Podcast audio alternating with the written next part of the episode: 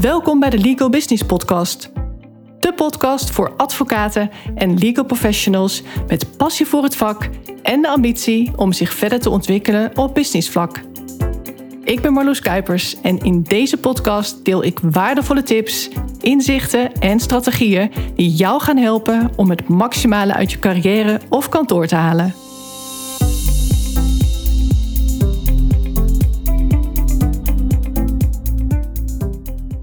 Happy New Year! Als deze aflevering online komt, is het namelijk 4 januari 2023 en dan zit ik in het vliegtuig naar Singapore. Als je hem in de ochtend beluistert, tenminste. Daarover straks meer, want mijn reis naar Singapore was de aanleiding voor het doorhakken van een lastige knoop. En ik neem je mee in de afwegingen die ik daarbij heb gemaakt. Want ook jij kunt daar weer je voordeel mee doen. Zeker als je ondernemer bent.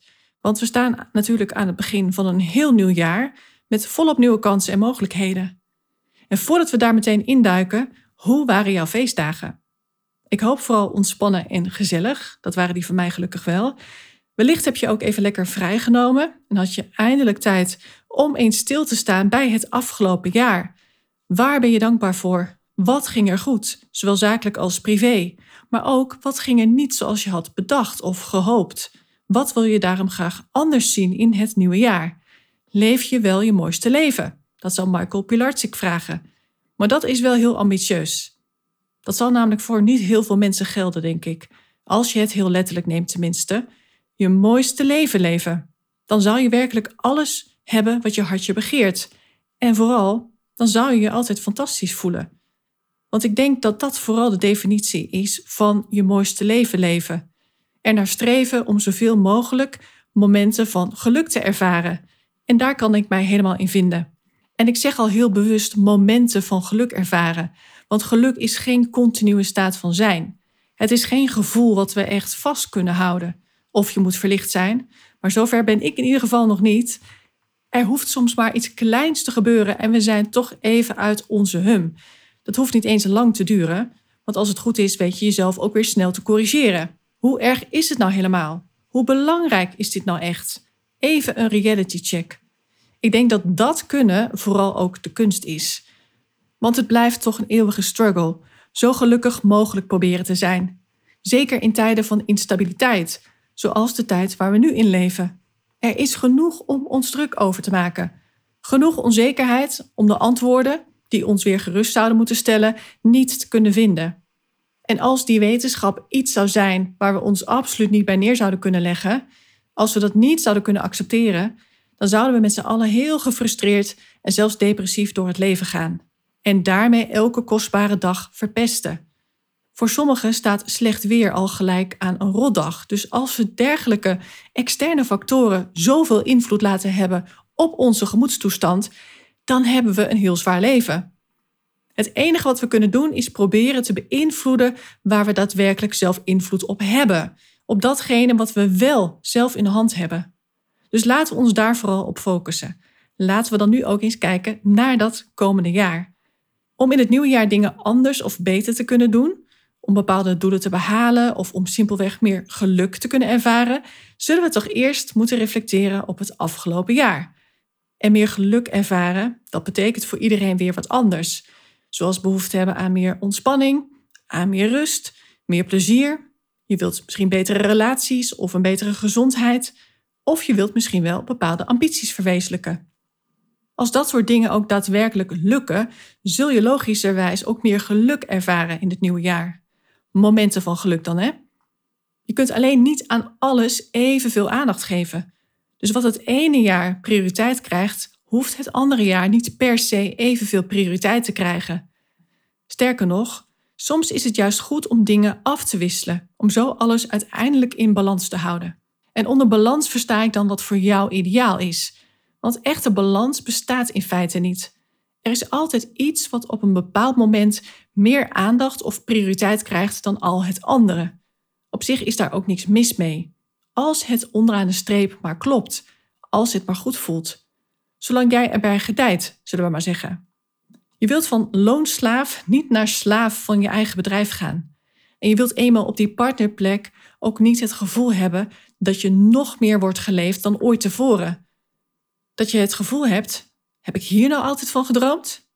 Ik ervaar eigenlijk helemaal geen vrijheid. En ook de mate van plezier en voldoening is bij lange na niet zoals ik dat graag zou willen. Het goede nieuws is, je bent niet de enige.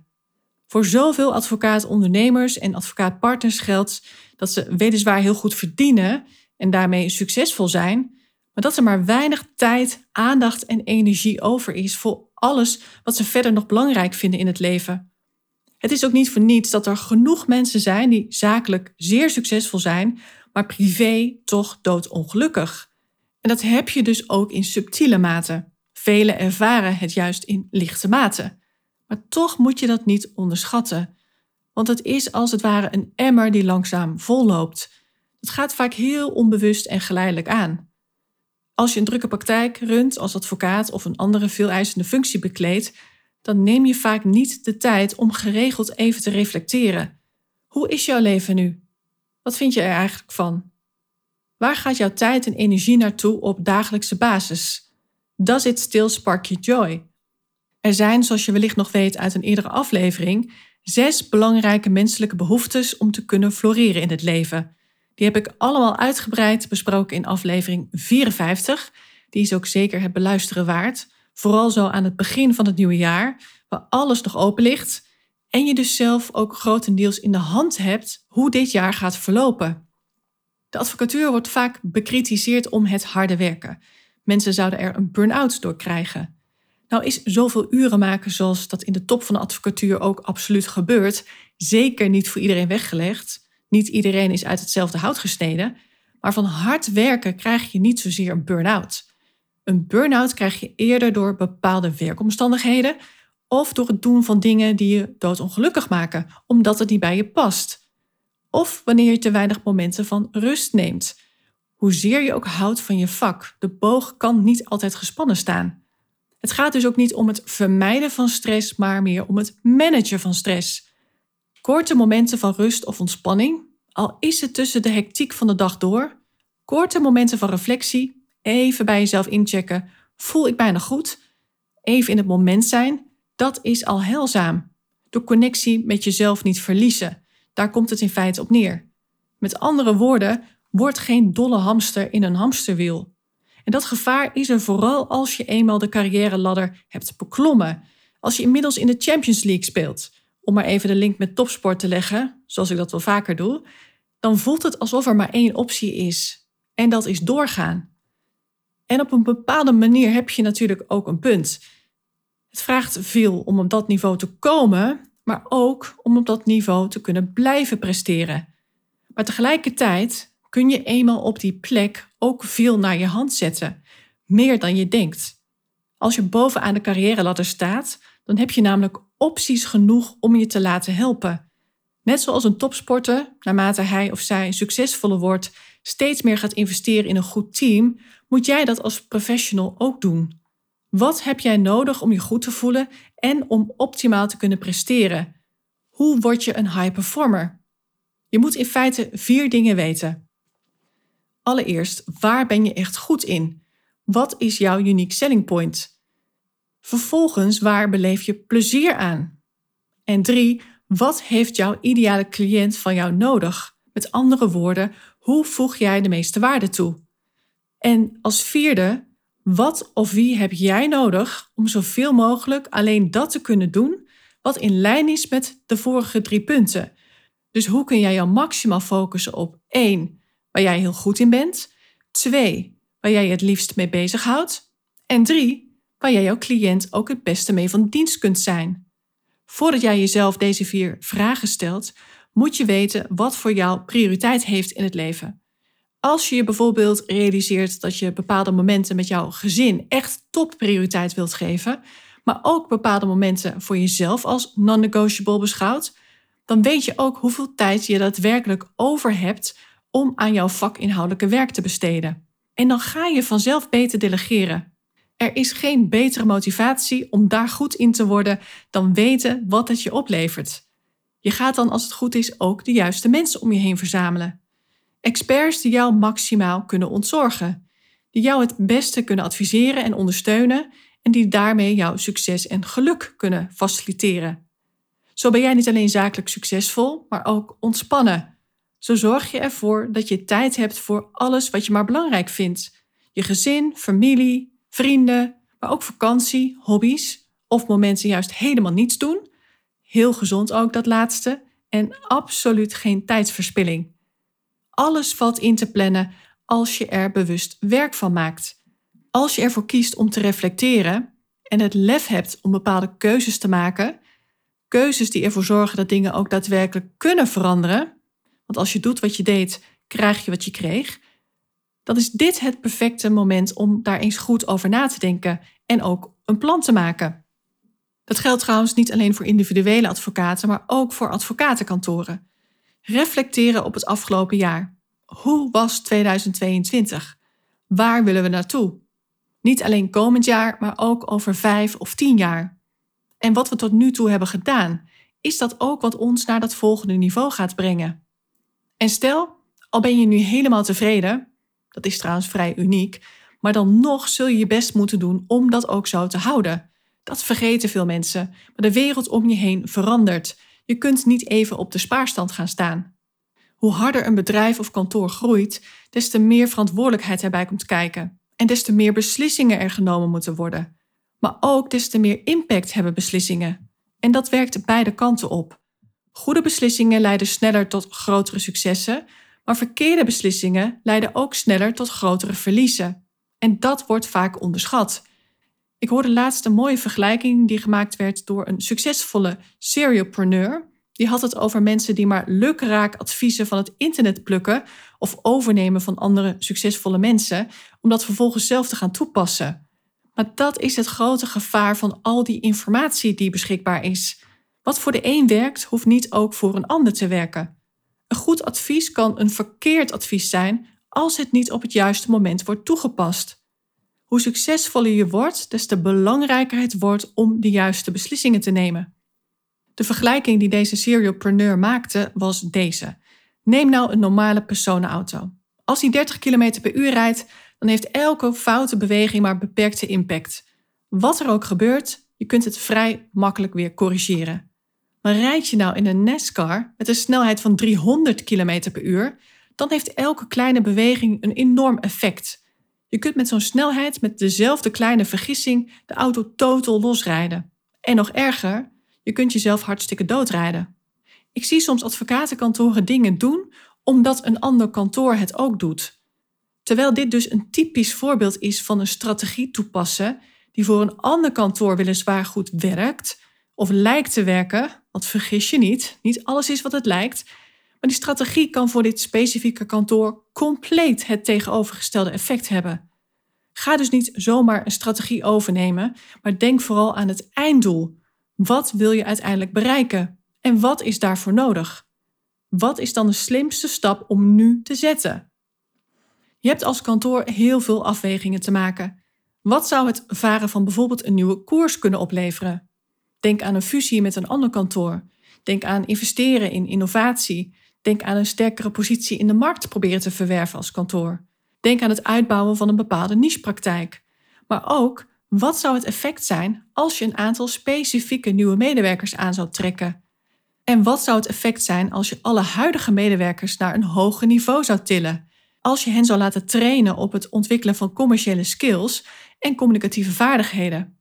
Hoeveel cliënten zouden dan ambassadeurs worden van kantoor?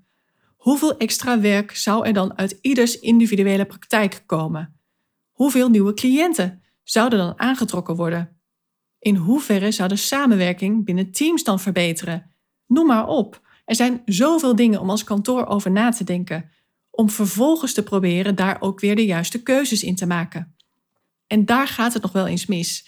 Ik heb het afgelopen jaar dan ook bij diverse kantoren gezien dat ze weliswaar heel veel tijd en energie hebben gestoken in bepaalde dingen, maar dat het hen uiteindelijk alleen maar geld heeft gekost en niets heeft opgeleverd. Maar dat krijg je als je zonder doordacht plan maar wat dingen gaat uitproberen. Als je je niet laat adviseren door mensen zoals ik, maar alleen kijkt naar wat lijkt te werken in de markt, naar wat andere kantoren doen. Ook al zie je bepaalde succesvolle kantoren dingen doen, dat wil nog niet zeggen dat het ook goed voor hem werkt. Dat kan ik uit eigen ervaring zeggen, dat heb ik zelf achter de schermen gezien. Maar dit soort kantoren durven wel te ondernemen. Ze durven wel dingen uit te proberen. En ja, dan mislukt er ook wel eens wat. En dat is dan toch weer vaak omdat ze alles op eigen houtje wilden doen. Als ik hen dan vertel waarom ik het heel logisch vind dat het geen succes was, en ik kwam dan pas achteraf in beeld uiteraard, dan zien zij het ineens ook. Hadden ze me nou eerder ingeschakeld, dan was dit fiasco hen bespaard gebleven. Extern advies inschakelen wordt vaak toch nog gezien als overbodig, want dat kost geld. Kunnen we zelf ook wel. Maar als we het dan toch over kosten hebben, want dat is vaak de reden om geen businessstratege of adviseur in te schakelen, dan moet je wel scherp hebben welke kosten er daadwerkelijk allemaal zijn. Kosten zitten hem namelijk niet alleen in de uitgaven in harde euro's. Het zit hem ook in onbenut potentieel van mensen, in gemiste declarabele uren, in energielekkage, in frustratie die is ontstaan bij medewerkers, waardoor teams niet meer goed functioneren. En dan is er nog de teleurstelling van de mislukking. En daarmee is bovendien een drempel ontstaan om ergens opnieuw tijd, geld en energie in te steken. Dus dan verlies je in feite dubbel op. Je hebt al tijd, geld en energie verloren aan het inzetten van een verkeerde strategie, maar vervolgens ga je dat niet rechtzetten door alsnog wel het juiste te doen. Nee, je gaat niets doen uit angst om weer te verliezen. En daar zit het verschil met echte ondernemers. Die nemen hun verlies sneller en makkelijker om vervolgens weer door te gaan. Verliezen is part of the game. Het is niet leuk, maar het hoort er wel bij. Elke keer niet geschoten is sowieso een gemiste kans. Het belangrijkste is dus ook om in beweging te blijven. Doorgaan, want er leiden meer wegen naar Rome. Je moet ook gewoon wat vertrouwen hebben. En ja, het is slim om de kans op succes significant te vergroten door advies in te winnen bij de juiste personen. Dat doe ik zelf ook. We hebben het nu over ondernemen, over reflecteren en over het bepalen van de koers voor het nieuwe jaar. En dat doe ik natuurlijk zelf ook voor mijn eigen bedrijf. Ik had het aan het begin van deze aflevering over Singapore. Als je mij al wat langer volgt, dan weet je dat ik continu in mijzelf en in mijn bedrijf investeer. Een bedrijf kan slechts zoveel groeien als de ondernemer zelf. Die slogan heb ik altijd onthouden en daar leef ik in feite ook echt naar. Zo heb ik momenteel meerdere internationale business mentoren. Ieder heeft weer zijn eigen zone of genius. En laat ik heel duidelijk zijn, ik leer geen geheime succesformule of iets dergelijks, want die is er niet. Wat werkt is namelijk heel verschillend per land, per branche en uiteraard per doelgroep. Je hebt het als ondernemer gewoon echt zelf te doen. Daar is niks rooskleurigs aan. Maar er zijn wel algemene regels voor succes. En dat ziet vooral op het hebben van een bepaalde levenshouding en mindset. Hoe je met teleurstellingen omgaat. Hoe je met jouw tijd en energie omgaat. Hoe je beslissingen neemt. Dat is namelijk belangrijker dan altijd de juiste beslissingen nemen, want dat kan bijna niet.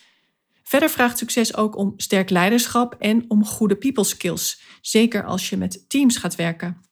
Door mij te omringen met succesvolle mensen die soms mijlenver op de troepen vooruit lopen en die op een heel ander level denken en ondernemen dan de gemiddelde ondernemer, ga ik ook anders denken en handelen. En dan besef je ook dat het vaak de details zijn die het verschil maken. Wanneer doe je wat en hoe? En vooral ook waarom? Wat is het doel? En draagt het bij aan jouw big hairy goal, zoals ze dat noemen? Terwijl je zoveel ziet, oh, werkt dat zo? Dat kan ik ook wel. Dus ik doe het ook even. Grote kans dat je je tijd verdoet.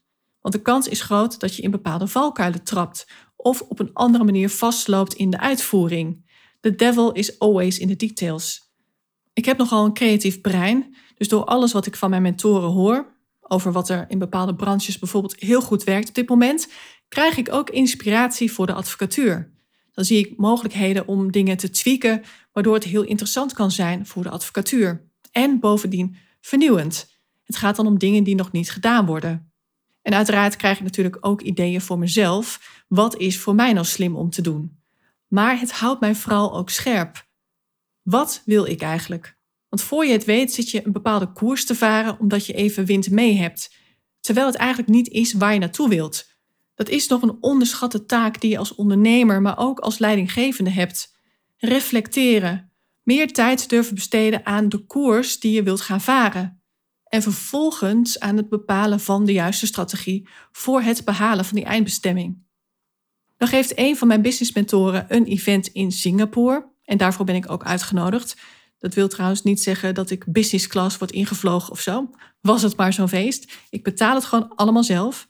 Maar ja, I practice what I preach wat dat investeren betreft. Dus ik stap er geregeld voor in het vliegtuig, zoals dus ook nu. En heel eerlijk, weet ik zeker of het de investering waard is. De investering in tijd, dat geregeld van tevoren, maar ook qua kosten. Want vliegen is nu niet bepaald goedkoop. En Singapore is ook zeker niet goedkoop. Nee, dat weet ik niet zeker. En toch ga ik. Omdat de kans groter is dat ik achteraf blij ben dat ik wel ben gegaan, dan dat ik toch spijt krijg. En stel, ik zou achteraf toch liever niet zijn gegaan, kom ik daar dan overheen? Ik denk het wel. Sterker nog, ik weet het wel zeker. Nou, nu weet je een beetje hoe ik afwegingen maak en vervolgens knopen doorhak. Daarom snap ik dat risicomijdende van advocaten ook niet zo goed.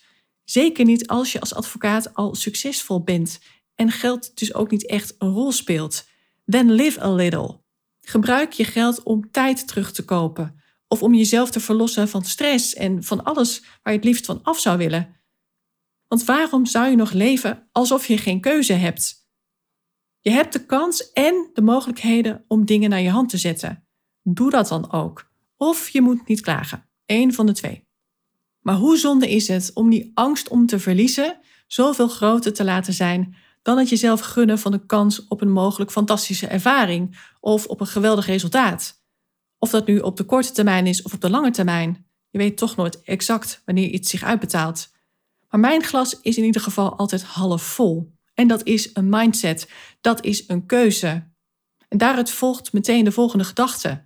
Als ik dan toch aan de andere kant van de wereld ben, waarom plan ik er dan niet meteen een welverdiende vakantie aan vast? Of nog beter, waarom maak ik er niet een workation in Thailand van?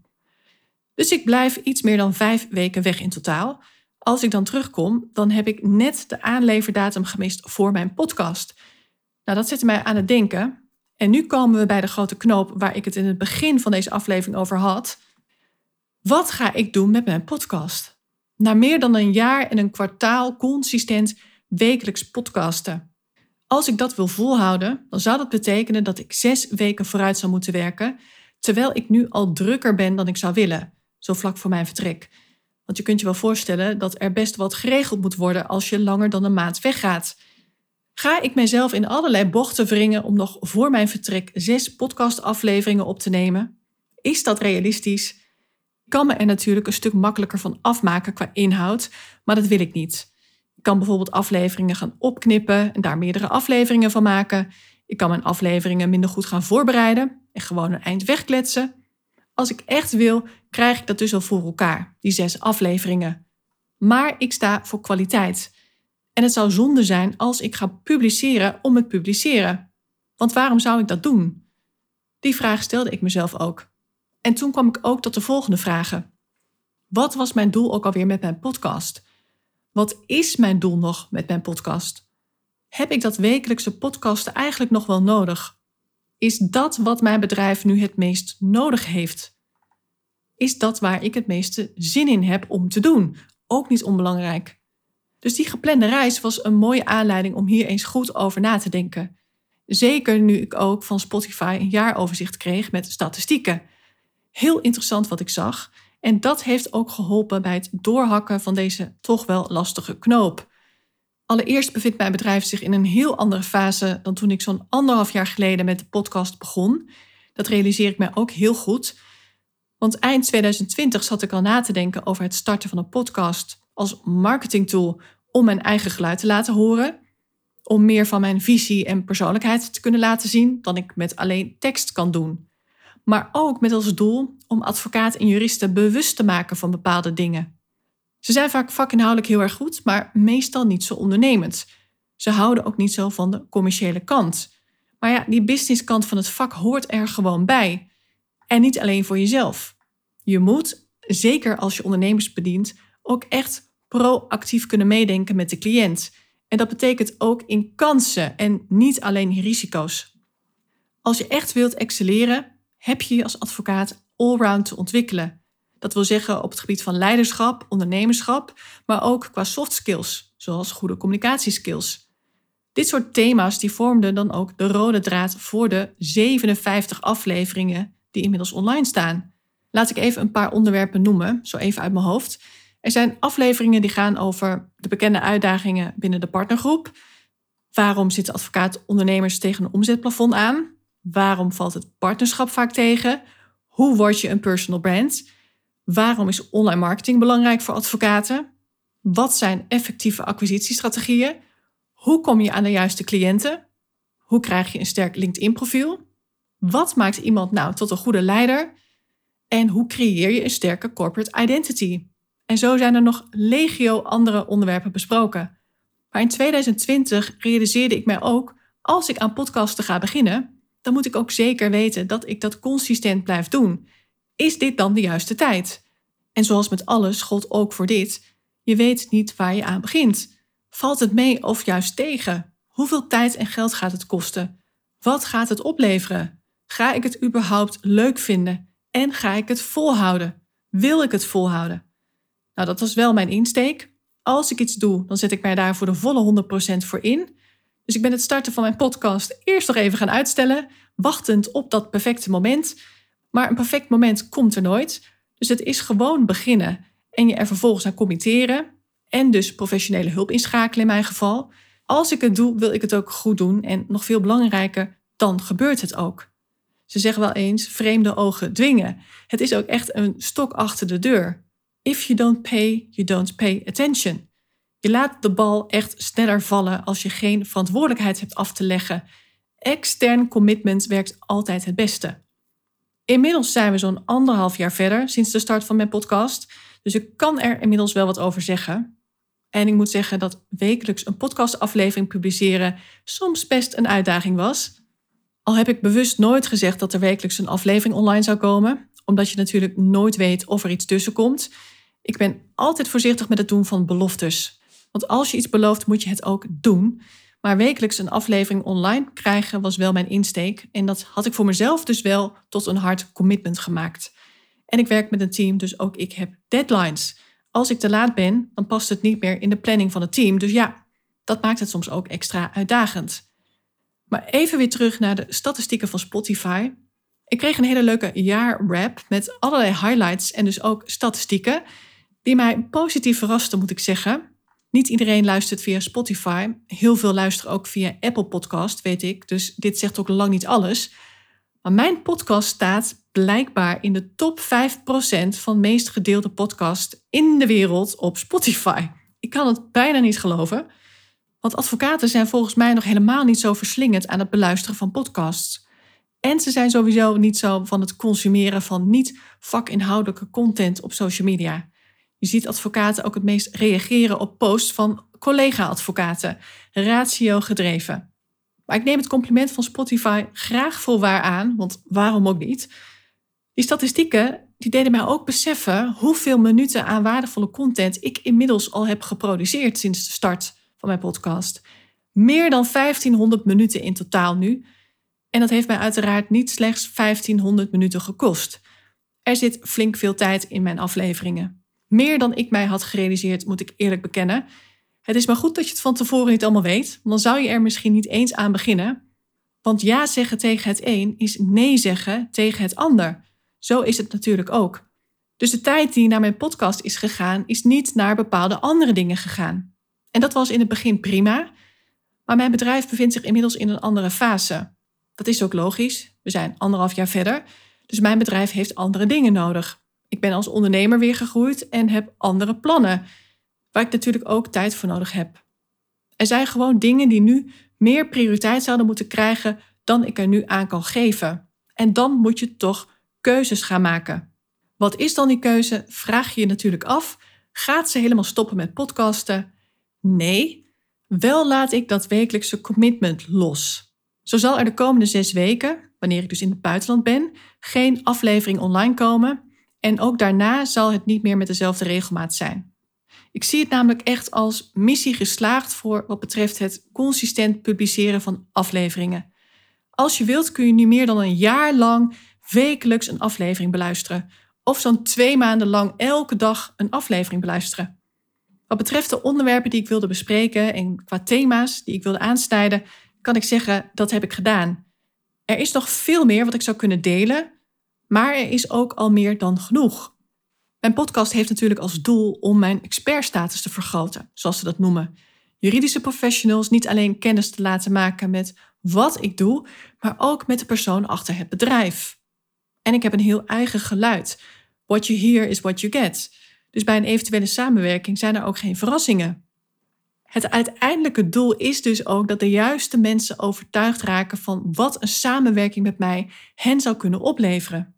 Als ze al zoveel hebben aan wat ik gratis deel, wat zou een betaalde samenwerking hen dan kunnen opleveren? Heel veel meer, kan ik je verklappen. Er zijn nu maar liefst 57 afleveringen die je kunt beluisteren om je daarvoor klaar te stomen. En als je echt alles toepast wat ik deel, dan heb je waarschijnlijk ook al mooie resultaten behaald. Als dat genoeg voor je is, dan ben ik heel blij voor je. Dan vind ik het fijn dat je veel aan mijn podcast hebt. Maar ik ben natuurlijk een ondernemer. En ik werk met ambitieuze advocaten en andere professionals die echt grootse resultaten willen behalen. Professionals die in tegenstelling tot het gros van de mensen geen genoegen nemen met middelmatigheid. Zij nemen ook verantwoordelijkheid voor hun eigen succes en geluk. Zij beseffen dat alles begint met het nemen van een beslissing, waar anderen de cost of inaction nooit zullen voelen. En ze realiseren zich ook dat je veel sneller resultaat behaalt als je je laat begeleiden door de juiste persoon. En die hebben echt meer dan genoeg aan die 57 afleveringen. Sterker nog, die hebben dat niet eens nodig. Dus meer produceren qua content gaat niet het verschil maken. Ik ben sowieso een voorstander van slimmer werken in plaats van harder werken en vooral doen wat het meest effectief is. Wat is die 20% die voor 80% van het resultaat zorgt? En dan is het een simpele rekensom. Laat ik even iets verzinnen. Stel je hebt 100 luisteraars en 100 podcastafleveringen. Is het dan slimmer om nog meer afleveringen te blijven publiceren voor die 100 luisteraars? Of om die 100 podcastafleveringen meer te laten renderen door die andere factor te beïnvloeden? Dus de focus te leggen op meer mensen naar die 100 podcastafleveringen te laten luisteren. En natuurlijk geldt het laatste. Zeker nu daadwerkelijk uit de statistieken blijkt dat nieuwe luisteraars vaak starten met luisteren vanaf het moment dat ze aanhaakten. Als ik wekelijks blijf publiceren, dan gaan die oudere afleveringen niet ook allemaal alsnog beluisterd worden. Dat ligt in ieder geval het meest voor de hand. De meeste luisteraars zullen niet de tijd willen vrijmaken om alles in te halen. Terwijl ik dat natuurlijk wel aanraad. Dus mocht je nu net zijn aangehaakt, ga zoveel mogelijk afleveringen beluisteren. Ze zijn allemaal nog super actueel. En dat zullen ze ook nog vele jaren blijven zelfs. De fans van het eerste uur, of gewoon de fanatiekelingen die alles in korte tijd hebben beluisterd, die laten mij geregeld weten hoeveel ze aan mijn podcast hebben. Dat vind ik heel leuk om te horen. En ik waardeer het ook enorm dat ze die moeite nemen. En ik word natuurlijk helemaal blij als ze ook delen wat voor resultaten ze hebben behaald door daadwerkelijk dingen toe te passen. Dat is natuurlijk ook heel goed voor mijn ego. En zelfs klanten luisteren nog met veel plezier naar mijn podcast. En dat maakt het ook zo'n lastige beslissing. Blijf ik wekelijks publiceren om bepaalde mensen een plezier te doen, waar ik zelf dus ook plezier aan beleef, maar waardoor ik dus wel andere dingen moet laten, want dat is waar ik nu sta. Mijn bedrijf heeft andere behoeftes en ik krijg daardoor andere prioriteiten. Daar komt het gewoon op neer. Soms is het ook goed om schaarste te creëren. Wat nou als er niet meer wekelijks een podcast online komt? Gaan mensen dan afleveringen terugluisteren en daardoor meer implementeren omdat ze toch weer nieuwe dingen horen? Of landt iets na een eerste keer luisteren nog niet, maar na een tweede keer luisteren wel? En nieuwe luisteraars geef ik zo bovendien ook de tijd om bij te luisteren. Ik heb nog genoeg om over te delen. Dat ga ik wellicht ook nog wel doen, maar niet meer op wekelijkse basis. Althans, voorlopig niet. Het kan zijn dat ik dat op een gegeven moment wel weer ga doen, dat frequente publiceren, maar dan gaat dat ook een nieuw doel dienen. Op de korte termijn ga ik me meer richten op interviews. En zonder toezeggingen te doen kun je denken aan één interview per maand. Ook daar moet ik tijd voor vrijmaken natuurlijk. Ik ben daar soms een volle dag voor op pad. Want live op locatie, dat zorgt natuurlijk voor de beste kwaliteit. En met andere druk bezette mensen zoiets plannen, dat is natuurlijk ook al een uitdaging. Dus dat maakte sowieso al dat ik toch moest gaan kiezen tussen of interviews gaan doen, maar dan minder frequent, of zelf solo-afleveringen blijven maken. Maar allebei is too much. En mijn keuze viel op interviewen. Want interviews zorgen niet alleen voor een nieuwe impuls aan mijn podcast, maar ook voor het aantrekken van een breder luisterpubliek. En zo wordt de waarde van de podcast meer verzilverd. Nou zijn er nog legio andere manieren om meer luisteraars aan te trekken, maar daar focus ik mij voorlopig dus even op. Niet meer gaan produceren, maar wat er al is beter te laten renderen. En daarnaast besteed ik de tijd die vrijkomt op dit moment liever aan het coachen en begeleiden van mijn klanten en aan de verdere plannen die ik heb als ondernemer. Als je er nou van baalt dat er voorlopig geen wekelijkse podcastaflevering meer online komt, dan is dit misschien een mooi moment om eens een gesprek aan te vragen. Tenminste, als je echt stappen wilt zetten in 2023. Want stel je luistert al een hele tijd, maar hebt eigenlijk nog niks geïmplementeerd van alles wat ik al met je heb gedeeld in al die 57 afleveringen, maar je zou het eigenlijk wel graag willen. Nou, dan is meteen het bewijs geleverd dat je vooral ook betaalt voor mijn hulp bij het op de juiste manier implementeren van kennis. Weten wat je moet doen en hoe je iets moet doen en daarmee de zekerheid hebben dat het ook daadwerkelijk gebeurt. Kennis zorgt niet voor resultaat. De juiste kennis op de juiste manier implementeren en op het juiste moment, that will move the needle. Dus wil je met mij in gesprek over jouw ambities, dan kun je een meesterschapscall aanvragen via de link in de show notes bij deze aflevering. Of stuur me gewoon even een bericht op social media of even een mail. Ook die gegevens vind je in de show notes. Verder is het heel verstandig om je nu toch echt te abonneren op mijn podcast of om mijn podcastkanaal te volgen, als je dat nog niet hebt gedaan. Dan krijg je dus een melding bij het online komen van een nieuwe aflevering. Daarvoor moet je trouwens wel even het notificatiebelletje aanzetten. Dat is in ieder geval bij Spotify het geval. En als je je waardering wilt laten blijken, dan kan dat door deze podcast een 5-sterren rating te geven op Spotify. Dat kan dan met één druk op de knop. Je kunt dan na het beluisteren van een aflevering op de 5 sterren klikken die je links bovenaan vindt. Kost je slechts 2 seconden en mij maak je er heel blij mee. Of als je via Apple Podcasts luistert, daar kun je ook een 5 sterren beoordeling geven. Daarvoor scroll je juist helemaal naar beneden. En als je me echt heel blij wilt maken, dan schrijf je er nog wat leuks bij. Maar dat hoeft natuurlijk niet. Alhoewel 105 sterren reviews, dat vind ik op zich wel een goede motivatie om weer snel terug te komen. Even een hint. Nou, nu zijn we aan het einde van deze voorlopig laatste reguliere aflevering. En ineens voelt het toch wel een beetje gek, moet ik zeggen. Aan de ene kant voelt het stiekem als een verlossing voor nu. Aan de andere kant voelt het ook alsof ik de connectie verbreek. Terwijl dat natuurlijk onzin is. Want er zijn vele manieren om met mij in contact te komen. En dan echt contact. Want deze podcast is juist heel anoniem. Wat ik juist ook zo jammer vind. Als sommige luisteraars zich niet spontaan bij mij zouden melden, dan heb ik geen flauwe idee wie er luistert. Dus laat dit vooral ook een aanleiding zijn om zelf contact te zoeken, nu ik niet automatisch wekelijks tegen je aanpraat. Er zijn trouwens verschillende manieren om eventueel met mij samen te werken. Niet alleen wat er op mijn website staat. Er veranderen ook de nodige dingen het komend jaar.